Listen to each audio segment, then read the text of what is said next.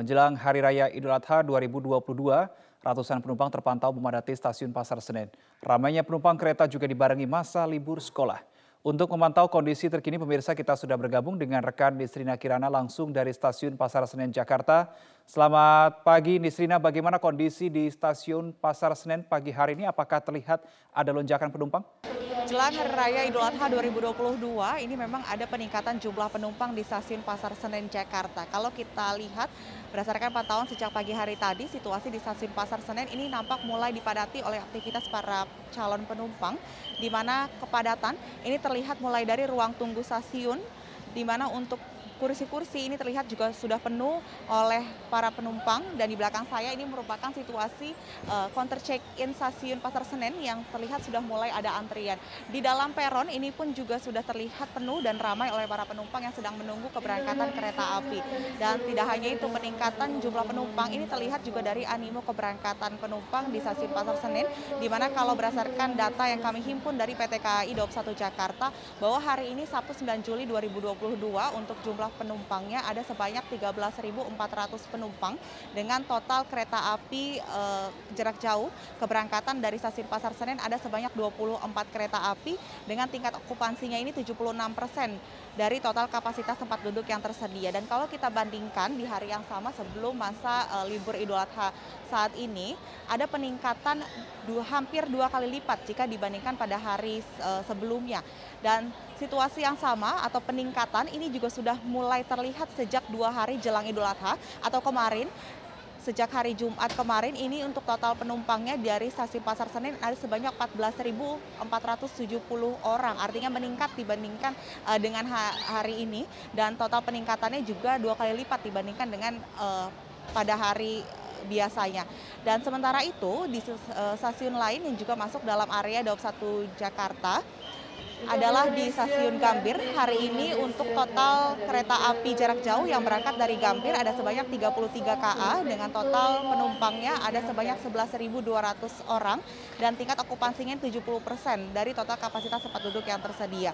Adapun untuk uh, tujuan wilayah favorit oleh para penumpang pada momen Idul Adha 2022 kali ini adalah Surabaya, Solo, Semarang, Bandung, dan lain sebagainya. Nisrina kita tahu saat ini kasus COVID-19 di Indonesia secara khusus di Jakarta ini juga mengalami tren peningkatan. Nah apakah tren peningkatan ini diiringi ada beberapa persyaratan untuk perjalanan menggunakan kereta api? Reno tentunya agar perjalanan pada masa momen libur e, lebaran Idul Adha ini semakin nyaman dan juga aman, ada sejumlah persyaratan yang harus diperhatikan e, oleh para calon penumpang yang akan menggunakan moda transportasi kereta api berdasarkan surat edaran Kemenhub nomor 57 ada sejumlah syarat-syarat perjalanan di antaranya bagi Anda, para calon penumpang yang sudah vaksin COVID-19 dosis kedua ataupun booster dosis ketiga, ini tidak perlu lagi menyertakan hasil tes negatif COVID-19. Sementara bagi Anda, para calon penumpang yang baru vaksin dosis pertama, vaksin COVID-19, ini harus menyertakan hasil tes eh, negatif COVID-19 baik melalui tes antigen dengan masa berlaku 1 kali 24 jam ataupun tes PCR dengan masa berlaku 3 kali 24 jam. Dan bagi Anda yang tidak bisa menunjukkan hasil uh, vaksinasi karena alasan e, kesehatan, maka harus menyertakan surat keterangan dari dokter ataupun riwayat medis dan menyertakan hasil tes negatif COVID-19. Dan bagi para penumpang di bawah usia 6 tahun, ini tidak ada kewajiban untuk menyertakan hasil e, vaksinasi ataupun hasil tes negatif COVID-19, namun tetap harus ada pendamping yang e, juga sudah memenuhi terkait dengan cara-cara perjalanan. PT KAI juga sudah e, mengaktifkan atau mengintegrasikan terkait dengan sistem tiketing dengan aplikasi peduli lindungi untuk nantinya dapat memvalidasi terkait dengan status vaksinasi dan juga hasil tes negatif COVID-19.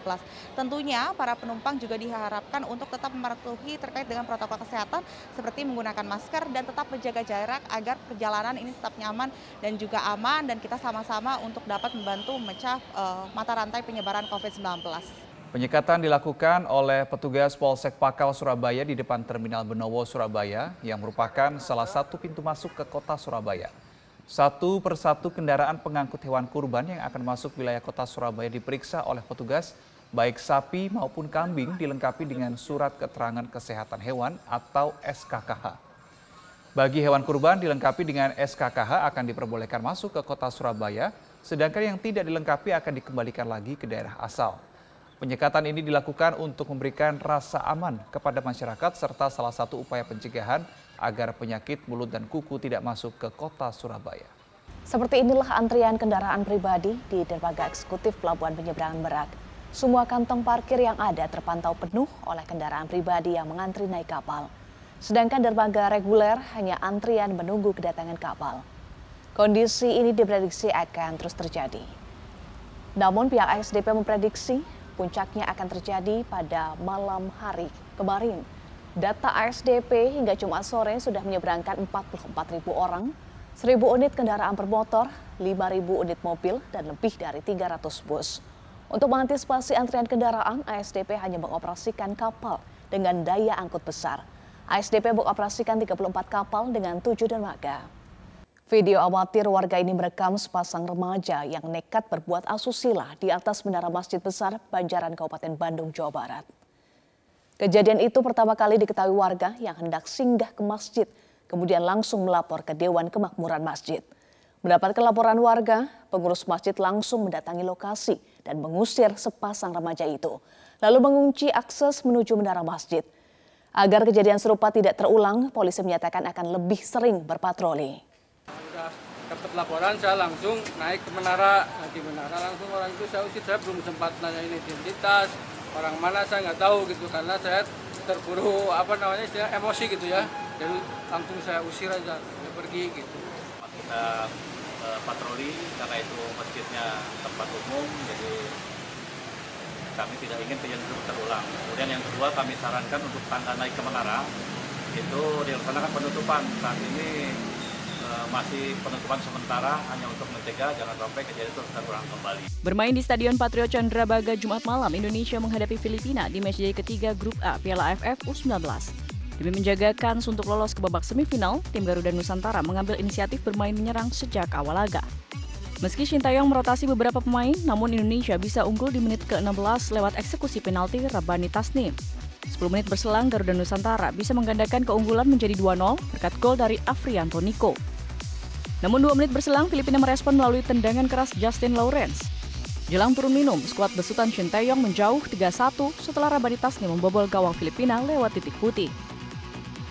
Usai turun minum, Rabani mencetak hat-trick dengan sundulan kepala pada menit 49. Indonesia unggul 4-1 atas Filipina. Hal tersebut tercermin dari gol Kanti Raza Fahrezi di menit 70. Hingga babak kedua berakhir, Indonesia menang 5-1 atas Filipina.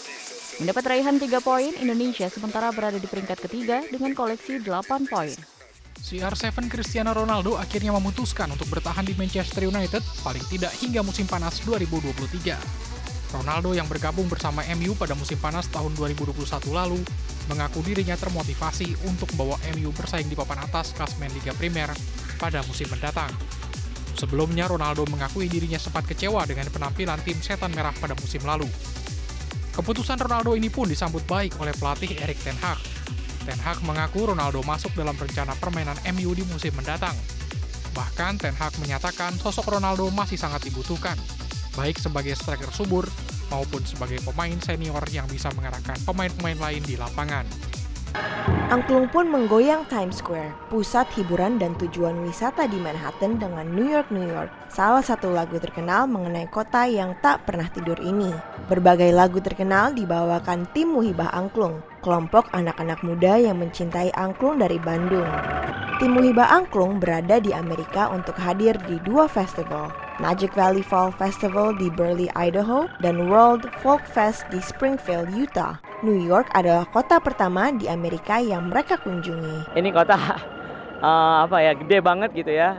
Dan kita main di uh, Times Square tuh kayak mimpi aja gitu. Kayak ini kita main di salah satu pusat dunia gitu ya dan kita bisa perform di sini tuh bangganya sudah tidak bisa diluluskan dengan kata-kata mungkin gitu sih. Pertunjukan angklung pertama di lokasi bergengsi ini juga dimeriahkan dengan berbagai tari tradisional Indonesia dan juga paduan suara.